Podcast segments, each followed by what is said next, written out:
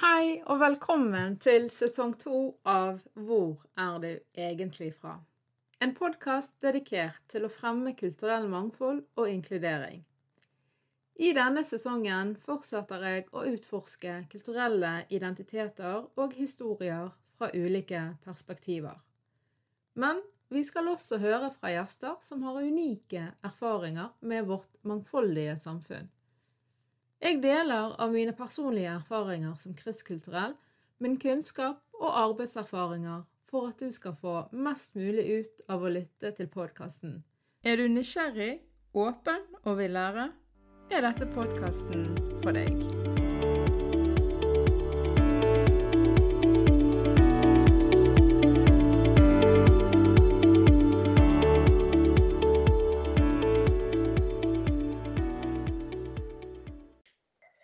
Hei, Siri, og hjertelig velkommen til Hvor er du egentlig fra? Tusen takk. Det er så utrolig kjekt at uh, du hadde lyst til å gjeste denne podkasten. Jeg setter så stor pris på at du uh, hadde lyst til å snakke litt med meg. Ja, veldig hyggelig også å bli invitert, det må jeg si. Du er jo fastlege. Du er stipendiat på Universitetet i Bergen. Um, og så er du en publisert uh, forfatter på Cappelen og har skrevet boken uh, 'Bruksanvisning for parforholdet', som har jo slått uh, utrolig godt an. Og har jo masse erfaring med å jobbe med mennesker, og òg med mennesker som kommer eller har andre kulturelle miljøer. Ja. Så det tenkte jeg at vi skulle snakke litt om i dag. Ja, det blir spennende. Det har jeg gleda meg til. Ja. Og da før vi liksom begynner, så lurte jeg på om du kunne beskrive deg sjøl litt for våre lyttere. Hvem er Siri Dalsmo Berge i et nøtteskall? Oh, ja, det er et stort spørsmål, vet du. Men eh, for å putte det, uh, eller krympe det ned da, til noe, så eh, er jeg Du har jo sagt noe, at jeg er fastlege og hva jeg driver med. da, At jeg driver og forsker på hvordan fastleger håndterer samlivsproblemer i konsultasjoner. og jeg er opptatt av det her med parforhold. Men så driver jeg jo ikke bare med jobb. Jeg er jo et menneske som har et liv utenom jobb også, faktisk. jeg har en mann som jeg har vært gift med i mange år. Vi møttes i russetida, faktisk. Nå er jo litt sånn nå er russetida akkurat over når vi snakker sammen. Jeg har en russ i huset i år, så det har jo vært litt spennende. Brakt fram mange gode, gamle minner. Det er mamma, da, som dere skjønner, til, til fire barn Ja. i alderen 11 til 19 år. Mm. Så det, det er fint. Og vi bor landlig til, inne i skauen innafor Arendal, i en kommune som heter Froland. Mm. Eh, og jeg trives godt med å være ute i naturen. Kanskje du forteller litt om boken, og hvorfor den er viktig å lese? Ja, det kan jeg godt gjøre. Boka, altså du sa jo tittelen i stad, den heter 'Bruksanvisning for parforholdet'. Og undertittelen er 'Veien til et sunnere samliv'. Eh, og bakgrunnen for at jeg ønska å skrive den boka, eh, det var jo rett og slett at møter og møtte eh, mange folk i min eh, hverdag som fastlege, der jeg har sett hvordan det her med eh, nære relasjoner og parforhold påvirker helsa. Og så, som jeg sa i stad, jeg har jo et familieliv også, sånn at det er klart den har kjent, på kroppen at ting går opp og ned. Det er ikke sånn at alt går på skinner bestandig. Um, og ut fra, ut fra de her tinga så begynte jeg å interessere meg litt mer da, for det med samliv og parforhold, og sammenhengen mellom samliv og helse.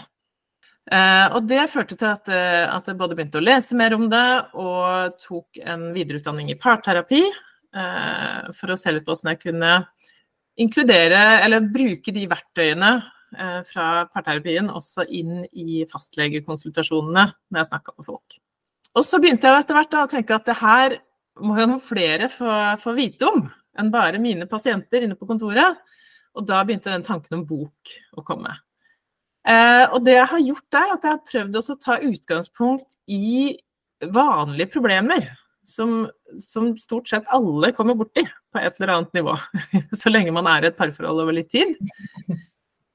Det Eksempler på det er f.eks. det her med hverdagsstresset og tidsklemma. Å får alt til å funke i hverdagen. Eh, det handler om sex. Mm. Eh, det handler om det med ytre stress, og hvordan det påvirker parforholdet. Altså jeg tar for meg ett og ett sånn typisk problem i hvert, hvert kapittel. og så baker jeg inn både verktøy som er godt dokumentert, mm som vi vet virker, og som er testa ut på mange folk før. altså i, gjennom, uh, Det er gjort forskning på det, og en ser at det her har, har god effekt. Og det, det, som er interessant da, med mye av den forskningen på de verktøyene, er jo at det er ting som har god effekt uavhengig av kulturell bakgrunn. For at det er veldig sånn allmennmenneskelige eh, ting det handler om. Ikke sant? Ja, ja. Eh, jeg, det er jo et perspektiv som kanskje er greit å ta fram her, da, i den podkasten ja. her. For det, det er verktøy som har vært testa ut i forskjellige kulturer og i forskjellige aldersgrupper. Ja. Eh, og så ser en at det er noe sånn allmennmenneskelig som går igjen. Det kan ta litt forskjellig form, men noe av liksom grunngreia ja. er det samme. Vi er mennesker alle sammen. Men eh, er dette en bok som bare er for eh, par som har begynt å kjenne at oh, nå begynner det å knirke, eh, eller det knirker? Eller kan man òg tenke at dette er liksom forebyggende òg? Absolutt begge deler. Eh, ja. På sørlandsk så pleier da har vi et uttrykk som sier at ting er greit. Og det rommer veldig mye. Alt, det kan være greit, det kan bety at det er knallbra. Det kan bety at det er midt på tre, og det kan bety at det er skikkelig dårlig. Eh, og tanken min her er at denne boka er for alle som har det greit. Ikke sant? eh, så har du et uh, godt parforhold som du føler fungerer, så vil du kunne lære verktøy som gjør at du har noe når, når det et eller annet skjer som gjør at det blir mer utfordrende. Da har du noe, uh, noe i verktøykassa som du kan bruke. Uh, og det er også verktøy som gjør at du kan styrke parforholdet, og du kan kjenne at her er det ting som kan faktisk bli enda bedre. Mm -hmm. Så er det også ting som kan være til hjelp i perioder der det er litt tyngre. Eh, eller hvis du kjenner at det, at det knirker litt, eh, mm. eller at ikke alt går så greit, så, eh, så, så, er det mange som i hvert fall har gitt meg tilbakemelding på at de syns det har vært nyttig. Og jeg må si at jeg syns det har vært veldig gøy å følge liksom med på fra boken, liksom, fra du hadde ideen og tanken om boken til det faktisk ble en fysisk bok. Jeg syns det har vært så gøy å følge med på det. Og jeg syns det er så fint, eh, Siri, at du har på en måte kunnet tatt eh, ting som du er veldig god på, og som, har, som, som, det er forsket på, og som du har sett, og som du har erfart gjennom jobben din. Og så lage det til noe som andre kan ha nytte av. Og det sånn som du sier, og det er jo det vi skal gå inn, litt sånn inn på, det er jo at parforhold har jo òg masse å si for helsen. Mm. Kan du da først si noe om hva slags utfordringer som du har møtt på når du jobber med pasienter fra andre land eller andre kulturelle miljøer, og hvordan du har håndtert de? Ja, eh, det er jo litt, litt forskjellige ting som kan, eh, som kan oppstå i de, eh, i de, konsultasjonene eller i de samtalene.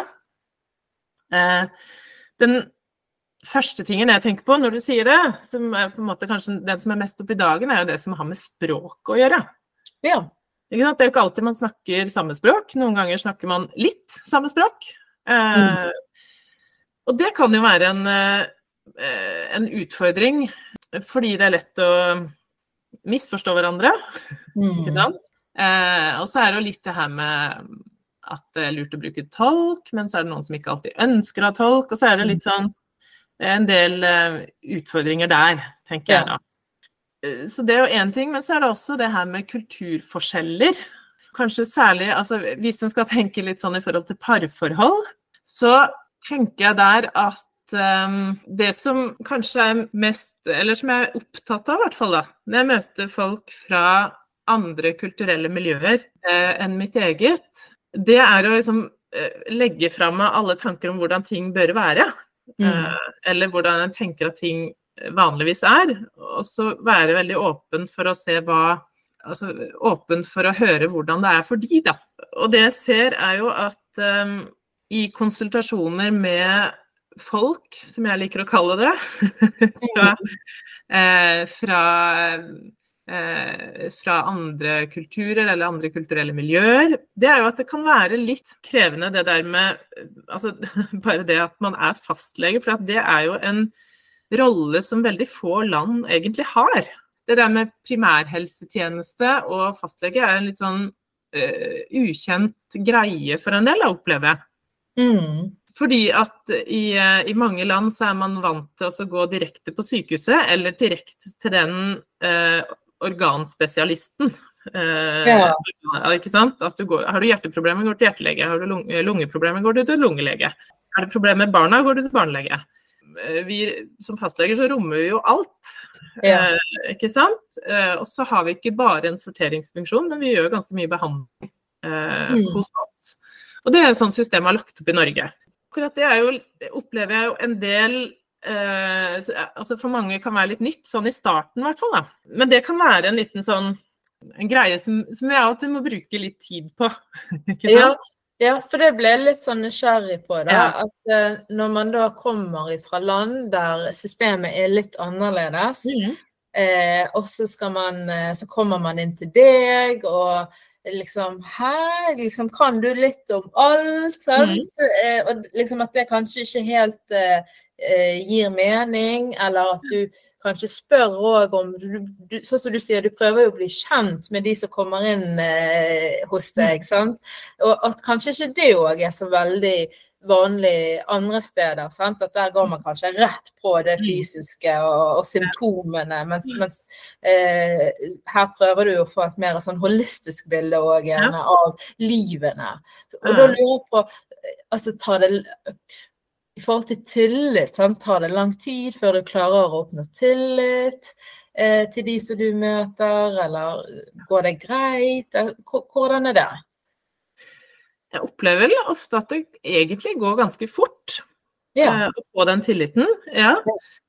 Eh, så det det Eh, så lenge, man, altså så lenge folk føler at det blir tatt på alvor, det er jo litt det det handler om. ikke sant? Mm. Å bli sett i forhold til det man strever med. Eh, så opplever jeg at, eh, at den får den tilliten. Og så er det ikke sånn at har du fått tilliten én gang, så har du den. Man må jo jobbe for den hele tida. Sånn er det i alle relasjoner, ikke sant? Mm. Men, men, ved, men, det er klart man ved å bruke litt tid kanskje i starten på å bli kjent nettopp og, og se den helheten. For for meg er jo det veldig viktig. For det er klart, eh, hvis jeg skal kunne tolke symptomene riktig, mm. så må jeg kjenne til eh, litt altså Da må jeg vite litt om livet til den personen. Fordi at et symptom kan se prikk likt ut. altså Symptomer kan være det samme, men hos noen kan det handle om livsbelastninger, hos andre kan det være en alvorlig sykdom. Ja. Og det, mm. det, er min jobb å skille og sortere. Og det er klart, den tilnærminga er også litt ny for en del eh, som er fra andre kulturer. Um, og også kanskje det med som handler om psykisk helse og samtaleterapi, ikke sant. Uh, er jo også en greie der, der jeg opplever jo at det er, litt, sånn, det er litt forskjellige ting. Da, for for noen så kan det være veldig tabu, det der med, med psykisk helse. En må uh, kanskje jobbe litt mer for å for å få en sånn felles forståelse da, mm. hva det handler om, og at, for at de skal oppleve at jeg ser de, ikke sant? At ikke det å tenke at det handler om uh, psykososiale vansker eller psykososiale utfordringer, at ikke det er en måte å bagatellisere på, men at det, det, det er like viktig. Ja. Uh, men det handler om å finne ut av hva det, hva det egentlig handler om, da. Hva det er for noe å sortere. Så hos noen så, så, må en kanskje ta noen runder der, men jeg opplever jo ofte at man kommer til mål. Det handler jo bare om å være litt åpen og nysgjerrig og, og engasjert, rett og slett. Ja. Ja, ja, interessert i folk, da. Men samtidig så, noe, så, har jeg også opplevd eh, noen som måtte komme med veldig sånn klar bestilling. At man, jeg vil til psykolog. Og det handler jo ofte om, når vi får snakka litt mer, så handler det om at en trenger noen å prate med. Uh, og så er jo systemet sånn i Norge i dag at det er ikke uh, superlett å komme til en offentlig psykolog. Eh, de vokser ikke på trær. Men det finnes mange andre gode alternativer. Så vi tar jo mye samtaler på kontoret sjøl, fastlegene. Og, det er også i de fleste kommuner etter hvert så har de jo et sånn lavterskeltilbud i forhold til psykisk helse. Med, med samtale, samtaler. Og da er det det å noen ganger da hjelpe folk å se andre muligheter, eller måtte si noe om hva som er eh, hva som finnes av alternativer innenfor det systemet som er her. Ja. Eh, mm. muligheter der, det, eh, det kan av og til være litt krevende, men, men der igjen så opplever jeg ofte at, at det går når en bare liksom får, får snakka sammen og får forklart. og og også får uh, finne litt ut av hva som egentlig er problemstillinga. Altså hva, hva, er det folk egentlig trenger da? Uh, mm. hjelp til. Ikke sant? Mm. Eller hjelp med. Ja, for nå var jo det litt sånn òg inne på uh, egentlig mitt neste spørsmål, som handlet litt om det her, om hvordan du da tilpasser egentlig din tilnærming til behandling og kommunikasjon når du jobber med folk som kanskje har annen, et annet språk, sant? Mm. Eh, eller som ja, kommer fra et annet sted. Eh, sånn, så du, du, da er jo du inne på først og fremst det med å være åpen og nysgjerrig. Sant? Mm. Og, og, grave litt, på en måte. Mm. Stille spørsmål og prøve å få tak i hva er det egentlig eh, du trenger, eller hva er symptomene, det jeg hører at du òg gjør, er jo at du er liksom veiviser inn i på en måte det norske systemet. Mm. sant? Eh, og guider folk videre òg til kanskje OK, det var psykolog du sa du ville ha, men her finnes det andre ting du kan benytte deg av. Du kan også snakke med meg, f.eks. Mm. Sant? Mm. Ja. Er det andre måter du tilpasser din til, tilnærming? Uh, ja, hva skal jeg si, ikke nødvendigvis tenke at det første svaret jeg får, da har jeg fått svar. Ikke sant? På det jeg spør om. Men å, å, stille litt ekstra spørsmål, både for å dobbeltsjekke at vi har forstått hverandre. Ja. Mm. Fordi at det kan fort oppstå misforståelser, selv om vi har tolk. Ja. Så kan mm. det det. Men også eh, det her med hva skal jeg si, med høflighet, da. Ja. faktisk høflighet og respekt er jo litt forskjellig i forskjellige kulturer. Og jeg opplever jo kanskje noen av og til som for høflighets skyld, eh, sånn jeg i hvert fall oppfatter det, da, um, sier ja hvis jeg spør om de har forstått det. Ja. Mm. Ikke sant? Ja. det viser seg etterpå at det hadde de kanskje ikke helt likevel. Uh, og hvis jeg da måtte ta det for god fisk, så uh, tenker jeg da gir jeg jo egentlig en dårligere behandling eller, enn ja. jeg kunne gjort. Um, og der må jeg, så da er jeg litt opptatt av at der må jeg, må jeg liksom dobbeltsjekke litt da, om, om de egentlig har skjønt det, uh, hva jeg mente. For det er jo jeg tenker Det er mye misforståelser som kan oppstå, både når det gjelder språk og når det gjelder kultur, og at den har forskjellig kulturell bakgrunn. Det å spørre på litt forskjellige måter og, mm. uh, og prøve å bruke ord uh, som jeg tenker er forståelige, og det er jo litt sånn forskjellig. Det er jo litt uh, interessant, for det er klart, uh, nå er jeg veldig opptatt av det å bruke, bruke et språk som alle kan skjønne. Ja. Men hvilket språk alle skjønner, varierer jo litt. Ikke sant? Ja, ikke sant? liksom? uh, så jeg kan jo, hvis jeg jeg kan jo tenk, tro at jeg snakker veldig forståelig, fordi jeg bruker veldig sånne typisk norske ord og holder meg ja. unna latinen.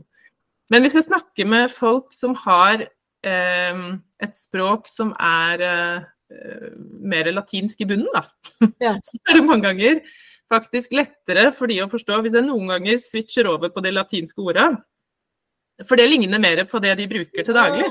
Ikke sant? Ja, ja, ja. Det er å, å prøve å tilpasse eh, formidlinga, da, for å si det sånn, til mm. den man snakker med. Og det vil jo variere litt alt etter hvilken kultur en kommer fra, og hvilke språk man har, og hvilke språk man kan.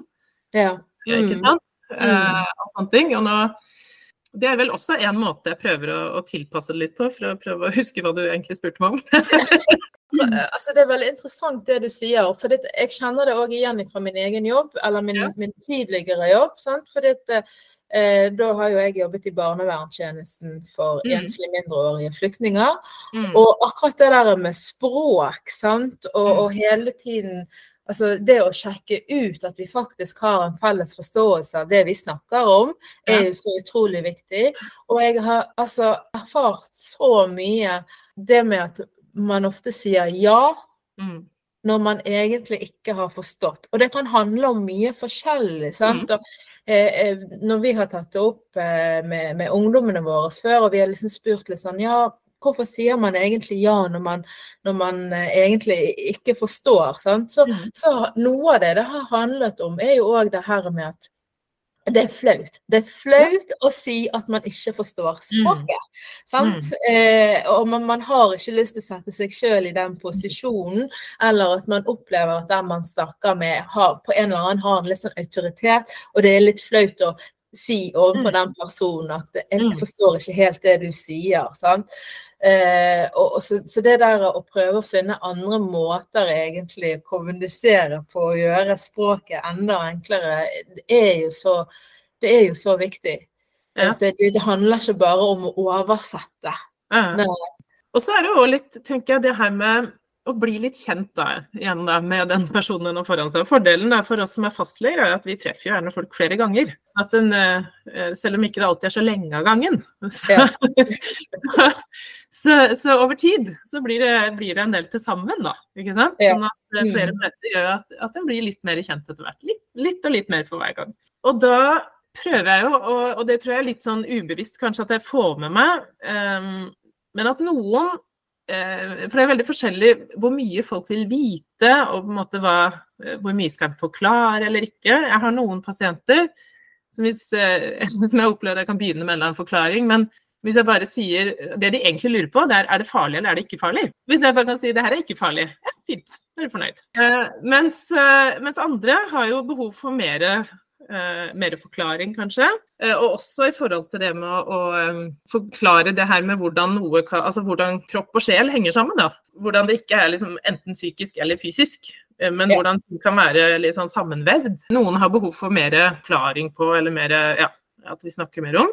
Og så er det andre som, eh, som ønsker tydelighet, mens andre eh, ønsker kanskje ikke å vite så mye. Og det her tenker jeg, det her er jo ikke noe som er spesielt for mine pasienter med en annen kulturell bakgrunn enn meg sjøl. Det her er jo veldig sånn allmennmenneskelig. Mm. Mm. Eh, uavhengig av om det er en sånn typisk norsk kultur eller en annen type kultur, eller det er jo masse subkulturer i Norge også. Altså, Ja. så, så det her opplever jeg handler vel så mye om personlighet eh, Mm. eh, om kultur. Altså litt det der med hvor mye ønsker en å vite eller ikke, og hvordan ønsker en å få beskjeder om ting. Så jeg prøver å tenke litt sånn at uavhengig av hvilken kulturell bakgrunn den pasienten min har, så er det et Ja. menneske som sitter der, og det er det mennesket jeg skal bli kjent med. Og Mm. prøve å liksom, eh, ja, finne litt ut av, og lære hvordan jeg best kan møte, da. Eh, Noe av det jeg tenkte på, da, det var at eh, vi har jo på en måte jobbet utrolig mye med det her med psykisk helse. sant? Og at Ja. vi skal snakke om psykisk helse og sette ord på, på våre erfaringer, og hvordan ting kan sette seg i kroppen. Sant? Mm. Eh, og hvordan det psykiske påvirker det fysiske, og omvendt. ikke Mm. sant? Og så når du sier på en måte at ja, det er ikke alle som er så veldig interessert egentlig i å høre om disse sammenhengene. At, Mm. Det er kanskje litt lett for å gå inn i en sånn her felle der man tenker at alle må vite om psykisk helse, og at det er så viktig å snakke om ting. Og så Mm. er det kanskje ikke det, og ikke for alle. Og igjen, da, det, det her med å tilpasse tilnærming til Mm. den du møter, helt sånn uavhengig av den kulturelle konteksten, da. Mm.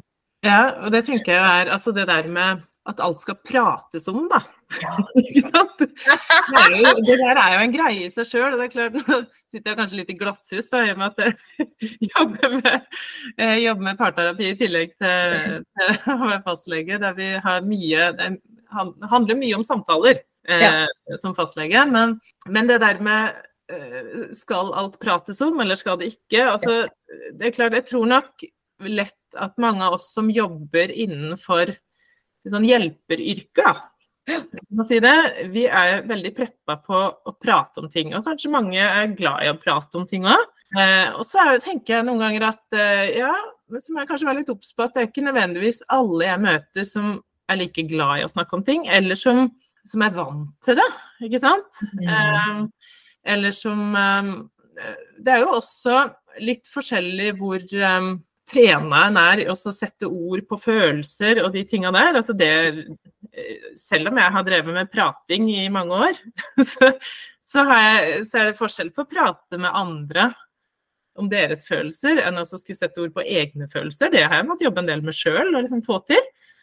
Eh, sånn at det der er jo ikke så lett, ikke sant. Du, hvis du i tillegg da skal gjøre det på et annet språk, så er det enda vanskeligere.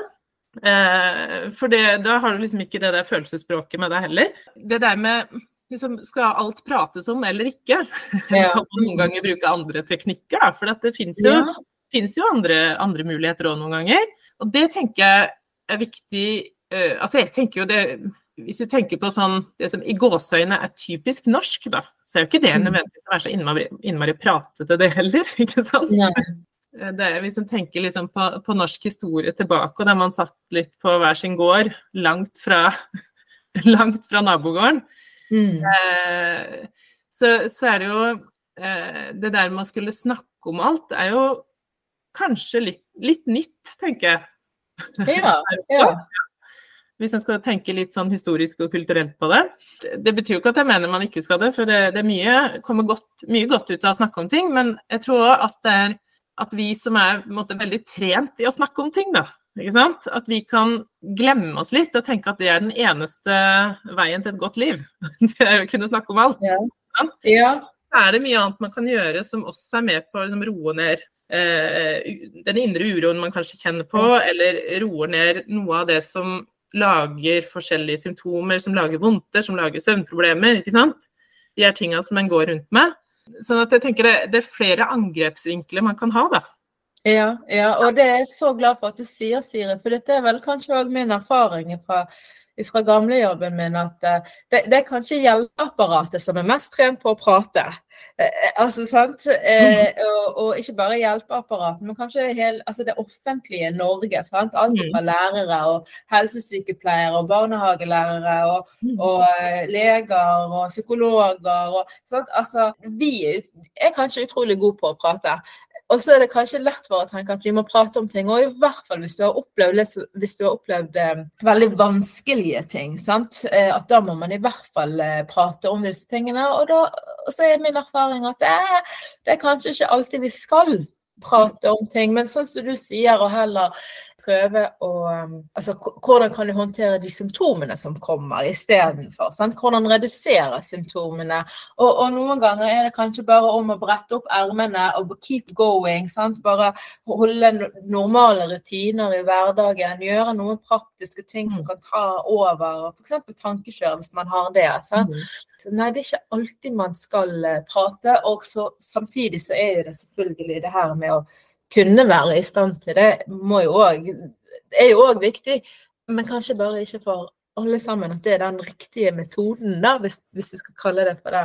Um, ja, jeg tenker at det er viktig at vi som hjelpere har et litt sånn bevisst forhold til det. ikke sant? Ja, ja. Uh, og at vi prøver å uh, være litt uh, ute etter ok, er det prating som er det beste for den, den personen jeg er foran meg her. Eller kan det være andre veier til mål som kan være like gode? Ikke sant? Det er godt å på en måte bare få den bevisstgjøringen. Mm. Hva ressurser eh, vil du si at du har brukt på å eh, for på en måte forbedre dine ferdigheter i å jobbe med ja, hva skal vi si, flerkulturelle pasienter, restkulturelle pasienter? Kan du si noe om det? Ja, eh, godt spørsmål, egentlig. jeg tenker meg litt om. Eh, men jeg, jeg, tror vel kanskje at eh, de viktigste ressursene mine har vært andre folk. Altså kollegaer fra andre kulturelle settinger. Eller. Ikke sant? Som, som, jeg kan lære av. Som jeg får Altså sånn småtips som jeg på en måte samler på hele veien. Det kan være samarbeidspartnere jeg har, altså folk som jobber mye med andre kulturer, eh, som jeg enten kjenner eller, eh, eller samarbeider med og jobber sammen med. Eh, og så er det også folk som jeg kjenner privat fra andre kulturer. Så, så jeg, måtte, samler jeg på sånne små småting, så det er ikke sikkert de vet de har gitt meg tips engang. Men, men jeg har ørene oppe, eh, eller sansene, sansene åpne. Eh, for å Ja, hvis det kommer noen småting som du tenker ja, det, det var lurt, eller ja.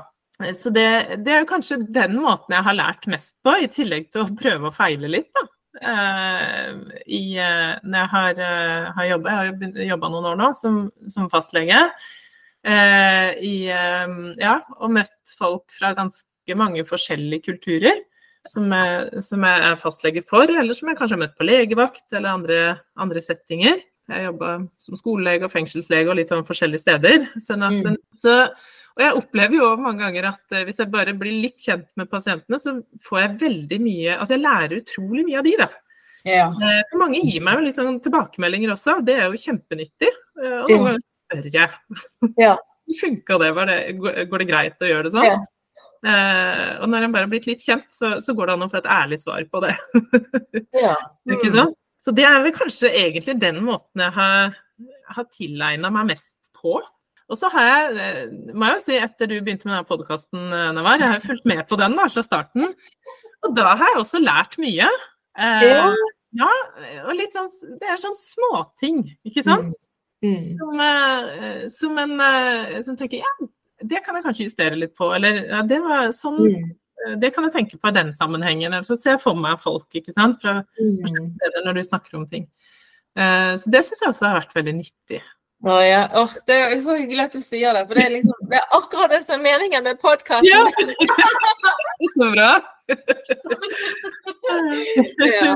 Men jeg liker veldig godt den der egentlig tilnærmingen din til å søke tilbakemelding og, og ha den åpne kommunikasjonen med Ehm, med dine pasienter. Og så tenker jeg at det krever jo òg at, at, man er faktisk trygg i seg sjøl og trygg i sin rolle for å spørre andre hvordan var dette her for deg? Altså sånt, ja.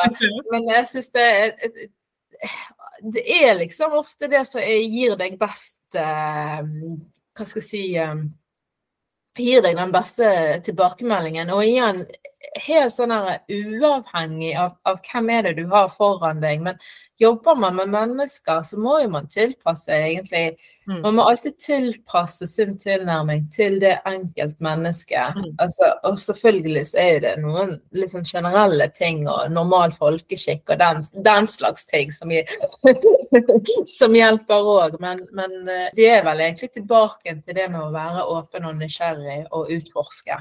Ja, jeg tenker at den kommer langt med det, altså.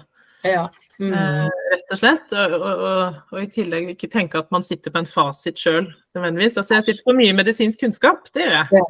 Ja. Eh, men eh, livet, livet, til den personen som sitter foran meg, det er det den som er ekspert på. Ja.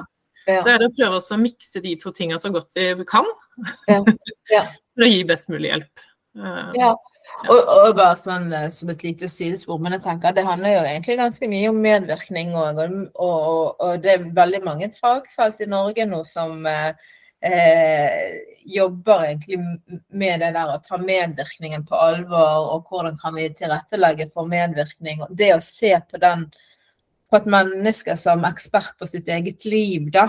Um, og det, ja, jeg tenker, å, det, er så, det, er så, utrolig viktig. Og så vet vi liksom at medvirkning, jo mer man, jo mer man får medvirke til sitt eget liv, jo, jo friskere blir jo man av det òg, ikke mm. sant? Absolutt. ja. Men du, du har et kapittel i boken din, kapittel ni, ja. eh, som handler om eh, når ytre farer truer. Ja. Eh, og det kapitlet handler jo om ytre stress og, og hvordan det påvirker samlivet. Mm. Og jeg tenker jo det at eh, sånn som på en måte politikken i Norge er blitt, så eh, eh de som kommer nye til Norge, en, en, stor gruppe av de er jo eh, Eller de kommer som flyktninger, sant. Eh, og de har opplevd ikke nødvendigvis, men de kan ha opplevd ganske store påkjenninger og så har vi i, i, Norges land, i andre eh, kulturelle miljøer som vi har her, de har vært utsatt for kollektive traumer, som mm. f.eks. Eller gjennom fornorskningspolitikken vår. Mm. Eh, og det påvirker fremdeles menneskene den dag i dag. Ja. Hva gjør ytre stress med oss, og hvordan påvirker det samlivet? Mm. Altså ytre stress, det er jo Du beskrev en del hva det kan være, ikke sant. Men, eh, men det kan også være jobbstress ikke sant, som mm. påvirker. Eller det kan være at man er bekymra for ungene, f.eks. Altså det, det er mye som kan skape stress. Altså, det vi kaller for ytre stress i forhold til parforhold, det er alt som ikke har med deg og partneren din å gjøre. Ja. Alt annet som skaper stress, det er ytre stress. Eh, og, og, det kan være store, alvorlige ting, og det kan være små, eh, kanskje bagateller, men som hvis det måtte gjentas mange nok ganger, så, så kan det føles litt større likevel. Ja. Um, så, så, det er jo mange varianter av det, da, eller mange grader av det, kan du si. Og så er det jo veldig individuelt hvor mye ytre stress påvirker den enkelte. Mm. Uh, for man har jo forskjellig toleranse for stress. Eh, og toleransen for stress kan variere gjennom livet. Eh, har du vært utsatt for mye en periode, så tåler du kanskje litt mindre enn du gjorde før. Og så kan den bygge seg opp igjen. Ikke sant? Mm. Men det en ser i et parforhold, da, det er jo at eh, hvis det er mye ytre stress som, som, du kjenner på, så blir man jo litt mer Man får litt kortere lunte. Det blir lettere krangling. Eh, man blir det er lettere å bare se det man er misfornøyd med hos den andre, istedenfor å se alt det man setter pris på. Ikke sant? Man får jo litt sånn eh, Ja, man ser den andre med det jeg kaller for litt sånn møkkete briller, da. Ja. Mm. Du, at du ser bare det du, det du, ikke liker, og så forsterkes det. Ja. Eh, mens, eh, mens, hvis du har på deg de rosa brillene, kan du kalle det, så, så, er det jo lettere å måte, legge merke til alt det bra som er der. Ikke sant? Så, så det er klart, det der med, med ytre stress, det, det gjør at vi, vi, vi, tåler mindre fra den andre. Vi blir litt mindre romslige med hverandre, tenker jeg. Og um, og det har jo litt å si da, for eh, klima i parforholdet, klima mellom oss, og klima i familien også. Hvis det er mye stress uh, hos foreldrene, og, de, og, det påvirker parforholdet sånn at de ikke har det så bra sammen som ellers, så påvirker jo det resten av familien òg. Ungene merker det, de. Uh, kjipt, men uh, sant. Mm. så det, det, er jo litt sånn en kan, kan merke. Man blir jo gjerne litt Man blir jo altså litt litt kortere, litt spissere i tonen kanskje mot ungene også, hvis en kjenner på mm. stress. Um, så ja, så det, det, påvirker jo litt sånn den derre åssen uh, den fungerer da, sammen, og hva, hvor mye man tåler fra hverandre. Ikke sant? Og det der hjemmeklimaet òg, sant. Mm. At det kan, det kan, jo virkelig legge en demper på stemningen, og hvor kjekt det er å være hjemme òg. Mm. Mm. Da, sant? Ja. Eh, hva, hva, råd har du da for å håndtere ytre stress som et par? Ja. Råd nummer én er jo på en måte å identifisere at det er ytre stress. Ja. ja, da har du kommet langt, tenker jeg. Ja, ja. Hvis du klarer å skjønne at grunnen til at jeg er så irritert på partneren min nå, det er faktisk pga. Eh, at jeg tenker på noe som har skjedd tidligere i livet som har vært veldig vanskelig for meg, som ikke har fått bearbeida eller er ferdig med. Eller det kan være at eh, et eller annet som skjedde på skolen eller på jobb, eh, mm. som, eh, som, påvirker meg fortsatt. Så hvis en klarer å skjønne det sjøl, at ja. her er det noe Det er egentlig noe annet det, handler, altså det er noe annet det egentlig handler om. Mm. Eh, så er man jo kommet langt, tenker jeg da. Ja. Mm. um, og så er det jo litt sånn hvis du merker at partneren din da, er utsatt for litt ytre stress, så kanskje gjør man det. Så er jo trikset da å um, prøve å ikke gå inn i alle krangler som den partneren da kanskje prøver å starte. ikke sant? Mm. Eh, men heller være litt nysgjerrig på hva Åssen har du det egentlig? Ikke sant? Eh, hva er det som har skjedd for noe? Eh, hvis du har en partner som forteller deg om et eller annet som, som, du identifiserer som ytre stress, så er jo det aller viktigste du kan gjøre, det er å ikke gi et eneste råd. De fleste av oss tenker jo løsninger med en gang. Ok, åssen kan jeg hjelpe deg å løse det? For det er sikkert det du vil, siden du forteller ja. meg det. Så må det, være, det er jo et problem du har. Så da må det være fordi du vil jeg skal fikse det for deg. Ikke sant? Og så er det jo nesten aldri det folk ønsker. ikke sant? Nei. Det folk trenger, er bare å få sagt det høyt til noen. At det er en som kan, eh, kan være der, være litt sånn på parti med deg. Og så er det nok. Eh, mm. Og det er ganske vanskelig når du skal være den som eh, Altså den som tar imot det, og stoppe der, da. Eh, det kjenner jeg mange ganger på sjøl. Jeg har veldig lyst til å komme med en løsning. Altså, eh, nå har jeg øvd litt på det, så jeg klarer kanskje å holde igjen sånn litt der og da. En halvtime etterpå prøve å smette inn en løsning likevel. Og det funker jo aldri. Men, eh, så det er kanskje det viktigste rådet. Ikke gi noen råd. Ikke løs noe før partneren din faktisk har bedt om et råd. Da er det, det er noe annet. Ja. Mm. Det andre man kan gjøre, er uh, Altså når det gjelder det der med å uh, Som jeg snakka om med de her brillene, da. Ikke sant? Hva er det du legger merke til hos hverandre? Og det som er litt interessant, det er jo at partneren din kan gjøre akkurat det samme. Mm. eh, og du kan i forskjellige situasjoner oppfatte det som positivt eller negativt ut fra åssen du sjøl har det. Det handler egentlig ingenting om partneren din. Skal jeg ta et kjapt eksempel? Ja. Eh, fra Vi hadde vært på vinterferie, ikke sant? Eh, familien. Eh, da jeg og min mann og våre fire barn eh, kommer hjem og skal rydde ut. Og når vi har vært på vinterferie, så har vi jo da stått på ski. eh, både på langrennsski og på eh, slalåmski. Og har da tolv par ski som skal ryddes på plass. Og tolv par skisko som skal ryddes på plass, og eh, masse bagasje. Og da vi gjort, gjorde vi det sånn, vi var litt slitne, det var kvelden, og vi fikk lempa inn alt i gangen, og så skulle jeg begynne å sortere ting på de forskjellige rommene. Liksom få, få flytta bagene dit de hører hjemme. Eh, mens han skulle begynne å sette på plass skia. Og få de ned i garasjen og få litt system på det. Og så eh, våkner jeg neste morgen, drar på meg morgenkåpa, går ned for å tømme søpla, for det syns jeg ofte kan være en grei måte å starte dagen med. Få ut, ut dritten. Eh, så, så, gikk jeg ut, tok med meg søpla, åpna døra og gikk ut og holdt på å tryne i en haug med ski rett utafor ytterdøra. Kjente det ulma litt inni meg da. Så gikk jeg ned og fikk kasta søpla, stega over skia på vei inn igjen eh, og gikk opp på badet for å pusse tenna. Ta på tannkrem og begynner å pusse, og så kjenner jeg at her, uh, her er det noe ekkelt, for her er den tannbørsten rett og slett full av skjeggstubber etter at han tok skjegget kvelden før. Og det var ganske krekslig.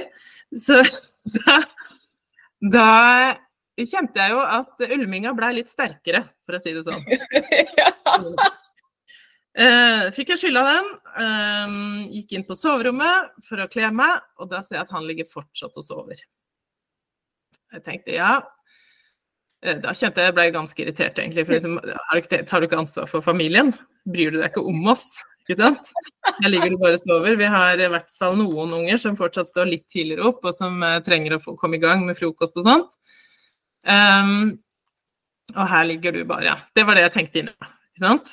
Um, og var da ganske irritert. Ja. Da hadde jeg på meg de møkkete brillene. Ja. Så tenker jeg vi kan spole tilbake da, til hvordan den situasjonen ville vært med de rosa brillene på. Mm. Eh, Ja, nå er jeg spent. Nå er du spent.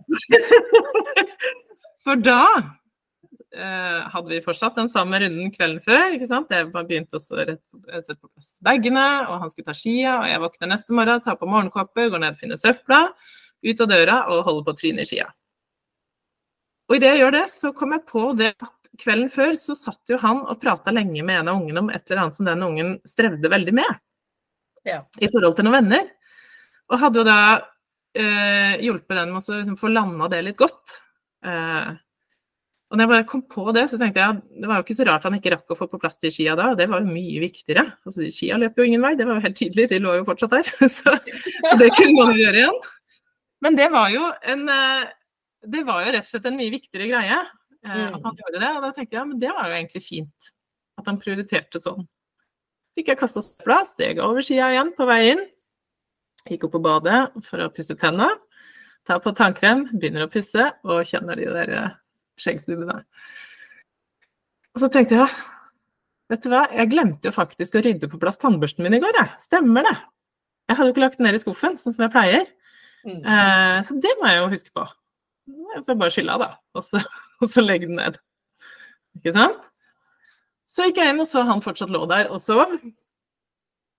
Og da kom jeg til å tenke på det at når jeg var ute og kasta søpla, så sto jo bilen på et annet sted enn den hadde gjort kvelden før.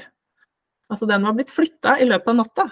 Ja. Det det viste seg, var at han hadde jo vært ute da på natta for å så hente en av de eldste, pluss kjøre hjem noen eh, venner hit og dit, og brukt et par timer på det.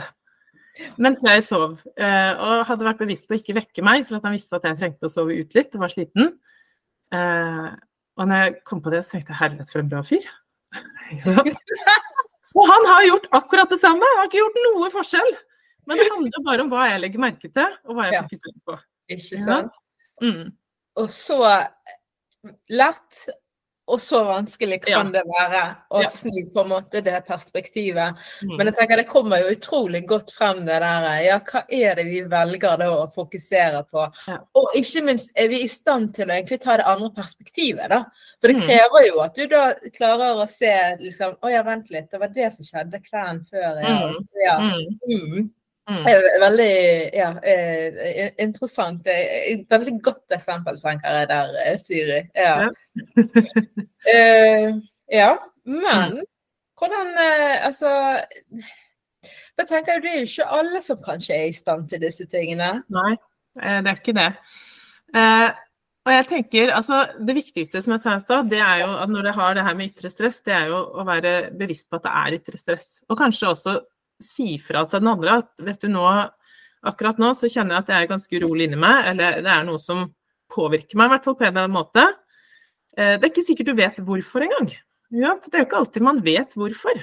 Men at en kan si at jeg kjenner det er noe. Jeg tror ikke det handler om oss, jeg tror det er noe helt annet. Jeg vet ikke helt hva ennå. Eh, så jeg har bare lyst til å Bare så vet du det, så, så kan du forholde deg til det. Eh, det tenker jeg kan være en grei beskjed å gi. Og så er det jo også det her med eh, det å se hverandre, ikke sant. Mm. Eh, kanskje de aller fleste para jeg snakker med, så han, når de liksom Hva er det som er greia, hva er det som er vanskelig? Ofte koker det ned til at nei, jeg føler meg ikke sett. Ikke sant? Mm. og det der med å se hverandre det er ikke så vanskelig. Der trenger man ikke bruke så mange ord. Apropos det vi snakka om i stad. Ja. uh, for det er ikke sånn at man trenger å være supergod på prating for å få til de her tinga. Uh, det, kan, det å se hverandre handler om å gi litt respons mm. på det den andre kommer med. Så hvis den andre kommenterer et eller annet, da. Det kan være at dere kjører bil, og så kommenterer han noe som har sett, ser på utsida av vinduet. Og så gir du en respons da på du, altså du kan bare si hm, ja. Det er en god nok respons. I mange tilfeller. På sånne småting. Og den forskjellen da, mellom å ikke si noe som helst, og mm. si det, eh, eller nærmest bare komme en lyd, det kan være bare å se på hverandre, altså med blikket, ikke sant? Mm. Eh, den forskjellen er målbar i immunforsvaret, altså den, den ser vi i kroppen. Eh, og det har òg kjempestor betydning for om du liksom føler, føler deg sett da, eller ikke. ikke at, at, du blir lagt merke til, rett og slett. Så, eh, så, det er også Jeg tenker det er sånne ting som de fleste kan få til, da. Ja. ja. Det koster liksom ikke så mye å bare si mm. sånn Ja. Hmm. Ja, ikke sant? Ja. ja. Bare kikke opp fra Kikke opp fra mobilen av og til. Eh, ja. Mobiltelefonen. Mm. Eh, eller møte blikket liksom over, eh, eh over middagsbordet. Ja. Mm. Det er sånne småting i hverdagen. Og det, det tenker jeg det gjelder, eh, det gjelder for alle. Eh, men det gjelder kanskje ekstra mye man, hvis man har mye ytre stress, da. Ikke sant? Mm. Da har man gjerne ikke så mye tid og rom for å ha sånne veldig lange samtaler eller dater eller hva det nå måtte være. ikke sant? Mm. Eh, men at en bruker de der små mulighetene en har, eller lager seg noen sånne små muligheter i løpet av dagen som ikke trenger å være så lange. Ja. Det kan være noen sekunder her og der, noen minutter her og der eh, som en bruker på å møte blikket, eller på å si god morgen, eh, på å gi en klem, ja. gi et kyss. Eh, det å si ha det, si god natt. Altså så, alle, alle, mulige sånne små kontakter, da. Ja, og jeg tenker jo òg at det, dette er sånn som er helt sånn En Igjen da, litt sånn grunnleggende folkeskikk på et vis òg, sant. Og som er litt sånn universelt òg, da. Mm. Å se, se den andre personen. Ja. Så det, at ikke det er igjen eh, knyttet til en spesifikk kultur, men det her er faktisk noe som som eh, i hvert fall de aller fleste menneskene er, burde være i stand til å gjøre. Ja. Ja, Ja. men det er jo det. Jeg er helt enig. Det er, en sånn, det er noe allmennmenneskelig ved det, tenker jeg. Uh, og det er jo også sånn at um, uh, Altså, det å uh, Det å gjøre de tinga, altså være bevisst på de der småtinga, eh, det er jo også veldig bra for helsa. Ikke sant? Bare for å få smette inn det, da. Ja. Jeg tross alt er fastlege. Ja. Så er det rett og slett sånn at vi vet at det har mye å si. Eh, ja. Men det jeg syns det var interessant at du sa, for det visste jeg ikke, at du faktisk kan måle hvorvidt en person opplever seg sett og Mm. egentlig anerkjent, validert. Mm. Det har de gjort studier på, og det er jo litt eh, fascinerende, syns jeg. Hva er det man ser da, altså sånn fysisk sett med en person? Eh, det, man, eh, det man ser, er jo eh, Man kan måle forskjeller i, forskjeller i nivået av forskjellige stoffer som er viktige for immunforsvaret, f.eks. Man kan se forskjeller i nivåer på hormoner. Eh, Ja. Typisk da stresshormoner, ikke sant. Så, så, og stresshormoner det er typisk sånn kortisol og adrenalin f.eks. er de vanligste som, som flest kjenner til. I hvert fall for meg så blir det hva skal jeg si, de, de gir meg en ekstra motivasjon, da, Ja. egentlig. For også å jobbe med det som har med relasjoner og parforhold å gjøre. Eh, fordi at jeg ser at det er såpass viktig for, Mm. eh, for meg, det er viktig for partneren min, og så er det også viktig for barna mine. Ikke sant? Ja. Eh, for de påvirkes også tilsvarende. Det, er- gjort studier på det òg. Man ser at de påvirkes også tilsvarende av hvordan eh, mamma eller pappa er mot de. Eh, ikke sant? Hvordan de blir sett eller ikke sett. Mm. Eh, og også at de blir påvirka av hvordan foreldrene har det sammen. Ja, ja. Ja. Mm. ja jeg, jeg lurer på om jeg har faktisk lest noe av de samme studiene på akkurat det. Ja, at eh, eh, barna tar litt etter òg eh, foreldrene. Altså på den måten at eh, hvis, hvis det er faktisk ganske sånn nesten fiendtlig klima i heimen, så får barna flere utfordringer. Mm, Eh, enn hvis det er godt, eh, koselig stemning hjem i heimen. Ja. ja. Ja, eh, det er sånn altså. Det jo Det kan man jo oppleve på to måter, da. Å få høre det. Man kan jo tenke at det er motiverende, og må jobbe godt for å få en god stemning. Eller man kan bli litt sånn nedslått og tenke Ja. åh, åssen skal jeg få til det, og hvordan skal vi klare å snu det her, da. Eh, Det er jo Én ting er hvis ting bare går utover en sjøl, men det å vite at det går utover det, det viktigste du har i livet, ja. Eh, Det kan være ganske sårt, tenker jeg, og vondt. Eh, og så kan man, noen kan jo bli litt, eh, litt redd for at eh, Og nå, liksom bli litt, nesten litt stressa av det i seg sjøl, at nå må jeg virkelig passe på å oppføre meg riktig hele tida. Ikke sant? Det er det jo ingen som gjør, altså vi er jo mennesker. Ikke Mm. sant? Så, eh, så det jeg tenker er, det viktigste der er jo på en måte sånn hva det er mest av. Ikke sant? I alle hjem er det dårlig stemning av og til. Altså, det er helt normalt. Det er litt Ja. viktig for meg å få sagt. og det gjelder både i parforhold og ja, i alt, ikke sant? Eh, så det er ingen som har det perfekt og fint hele tida. Eh, men det er noe med på en måte hva Hele tida tenker hva kan jeg gjøre for å, for å ha litt mer tid da, med, med at en har det fint hjemme. Og, og hva, hvordan kan jeg liksom sørge for at det er mest, mest av det gode? Ja. Mm, Jeg tenker det det, det som er det viktigste. Eh, og så tenker jeg at det er ehm, eh, ja, Nå er vi jo litt, sånn, litt over på noe annet, men, men det der med eh, Hvis man aldri har møtt noe motstand i livet, eh, så gjør ikke det en så veldig rusta til, eh, til voksenlivet heller. Ikke sant? Så, så, sånn, eh, så det handler jo om å ha det trygt, tenker jeg først og fremst. Ikke sant? Ja. Eh, Det handler ikke om å ha det perfekt, men det handler om å ha det sånn rimelig trygt. Mm.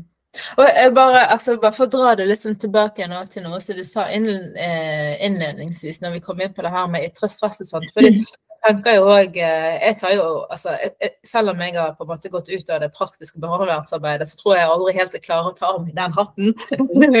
men, men det, det, at ytre stress det kan jo òg påvirke for det kan påvirke veldig mye forskjellig, sånn som du sa. Og en av de tingene det kan påvirke, er jo omsorgskompetansen din. sant? Men det betyr jo ikke at du vil alltid være en dårlig mor eller en dårlig far, fordi at nå, der er jo det en periode med ytre stress mm. som man kanskje ikke er like observant eller like oppmerksom eller i like god stand til å ta seg av barna i, mm. i en periode, og man kanskje må ha noe hjelp. sant? Og, og, mm. og, og jeg tenker at det er så viktig dette her, det du sier. Eh, at andre òg er litt sånn oppmerksom på, kan gå litt, egentlig utforske litt òg på hva er, hva er de ytre stressfaktorene?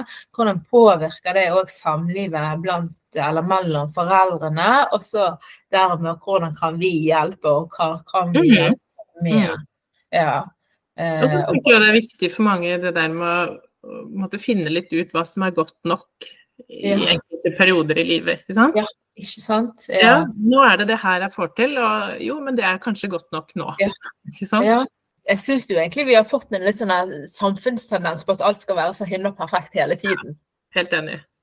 Og det må vi bare, det må vi bare få en slutt på. ja.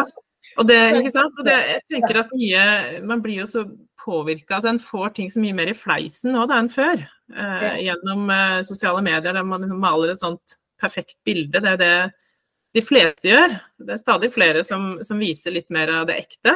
Det er fint. Men likevel så er det jo ikke alt man skal vise der heller. Altså det, det er ikke, man skal ikke brette ut nødvendigvis alt. Så, så, det er klart det også eh, Jeg opplever jo mange jeg møter da, som jeg tenker kanskje gjennom det en fores med fra forskjellige typer medier, eh, gjør at en, at en, får et litt sånn feil bilde av hva som er vanlig. Hva som er normalt, ikke sant? Mm. Og hva som er godt nok. Altså, litt det du sier, at en, eh, at en har en sånn idé om at det skal være så perfekt, da. Eh, og det er jo ingen av oss som er det, eller som får til det. Mm. Eh, og da, da, er det litt sånn hvor skal en legge lista? Hva er det som er godt nok? Hva er det som er trygt? Ja. Eh, tenker jeg som, eh, som, kanskje er det viktigste. Mm. Men hvis vi, hvis vi, kan avrunde der med to spørsmål. Hvis du har noen, noen helt sånn konkrete tips eller råd til andre leger mm. som ønsker å på en måte, ja, hva skal jeg si, bli bedre på å jobbe med mennesker eh, fra andre kulturelle miljøer, hva tips har du da? Mm. Det viktigste tipset mitt er å tenke at du har at det er et menneske du har foran deg. Ikke sant? Ja. Uavhengig av hva slags kultur det skulle være. Mm. Uh, uh, og legge litt fra deg sånne egne ideer om hva som er vanlig og ikke vanlig, og hvordan ting bør være, men still med litt åpne kort, og vær nysgjerrig. Uh, ja. Og jeg tenker at det, så lenge man er har en sånn åpen holdning, så er det utrolig mye man kan spørre om også. Ikke vær redd for å spørre folk eh, om hvorfor du tenker sånn, eller hva er det som gjør det, eller det skjønte jeg ikke helt. Ikke for noen ganger så kan vi jo få svar som ikke vi skjønner helt, fordi at vi har en annen bakgrunn sjøl. Ja. Så jeg tenker ikke vær så redd for å spørre. Eh, vis heller genuin interesse og nysgjerrighet. Eh, det er kanskje det viktigste, tenker jeg altså. Og du vet jo det, Siri, at eh, min misjon det er å gjøre verden til et bedre sted. Har du ett tips til hvordan vi kan oppnå det? Ja, da har jeg ett tips som er relatert da, til det jeg jobber med. Og det er tre, ja, det er tre ting, men det, det er et tips som er liksom samla i tre. Okay? Ja. det er å være tilgjengelig for den andre. Mm. Eh, og det er eh, å gi respons, som vi snakka om i stad. Eh, og det er, det er, å være litt engasjert og nysgjerrig på de du møter, og særlig partneren din, da. Ja. Ja. ja. Så det er liksom en sånn fin huskeregel. Tre ting. Være tilgjengelig, gi respons og vise engasjement. Fantastisk. Ja. Yes, Siri. Og helt til sist nå, er det et sted eh, man kan eh, få kontakt med deg på, eller følge deg på noen steder? Ja, det er det, vet du. Eh, du, du finner meg på Instagram, og der heter jeg Siri Dalsmo Berge. Og hvis du Der deler jeg mye tips og triks eh, som er nyttige. Eh, og i bioen på Instagram så ligger det også en link til hvor du kan finne boka mi. Ja. Og det ligger en link til en quiz for de som liker å ta quiz.